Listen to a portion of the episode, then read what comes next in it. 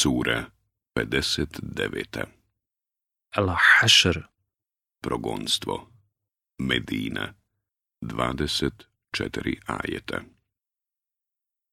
U ime Allaha, milostivog, samilosnog.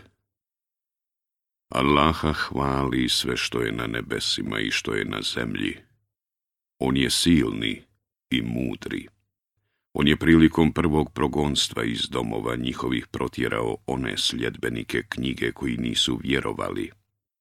Vi niste mislili da će otići, a oni su mislili da će ih utvrde njihove od Allahove kazne odbraniti. Ali im je Allahova kazna došla odakle se nisu nadali i on je u srca njihova strah ulio. Vlastitim rukama i rukama vjernika svoje domove su rušili. Zato uzmite iz toga pouku, o vi koji ste obdareni. Da nije bio već odredio da će biti protjerani, Allah bi ih još na ovome svijetu kaznio, ali njih na onome svijetu čeka patnja u ognju. Zato što su se Allahu i poslaniku njegovu suprotstavljali, a onoga ko se Allahu suprotstavi, Allah će zaista strahovito kazniti.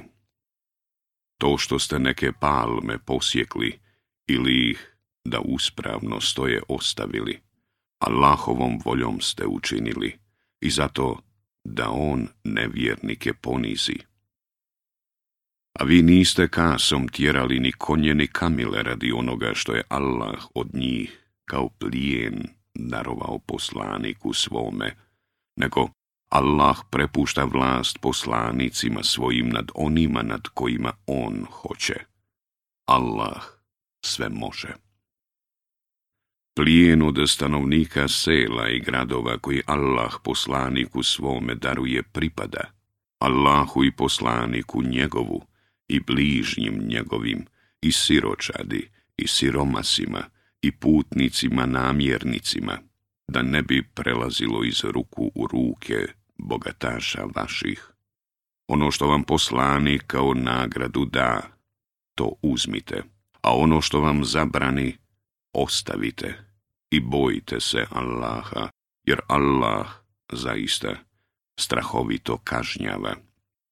I siromašnim muhađerima, koji su iz rodnog kraja svoga protjerani, i imovine svoje lišeni, koji žele da Allahovu milost i naklonost steknu, i Allaha i poslanika njegova pomognu, to su, zaista, pravi vjernici.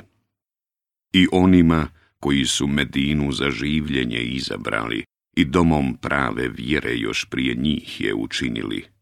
Oni vole one koji im se doseljavaju i u grudima svojim nikakvu tegobu, zato što im se daje ne osjećaju i više vole njima nego sebi, mada im je i samima potrebno. A oni koji se učuvaju lakomosti, oni će sigurno uspjeti. Oni koji poslije njih dolaze govore Gospodaru naš, oprosti nama i braći našoj koja su nas u vjeri pretekla i ne dopusti da u srcima našim bude imalo zlobe prema vjernicima. Gospodaru naš, ti si zaista dobar i milostiv. Zar ne vidiš kako licemjeri govore svojim prijateljima, sljedbenicima knjige koji ne vjeruju? Ako budete protjerani, mi ćemo, sigurno, s vama poći i kad se bude ticalo vas, nikada se nikome nećemo pokoriti. A ako budete napadnuti, sigurno ćemo vam u pomoć priteći. A Allah je svjedok da su oni zaista lašci. Ako bi bili protjerani, oni ne bi s njima pošli. Ako bi bili napadnuti, oni im ne bi u pomoć pritekli a ako bi im u pomoć pritekli, sigurno bi pobjegli i oni bi bez pomoći ostali. Oni se više boje vas nego Allaha, zato što su oni ljudi nerazumni.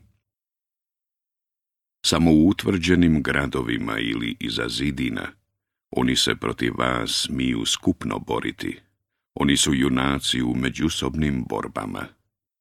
Ti misliš da su oni složni, međutim srca su njihova razjedinjena, zato što su oni ljudi koji nemaju pameti. Slični su onima koji su tu nedavno svu pogubnost postupaka svojih iskusili.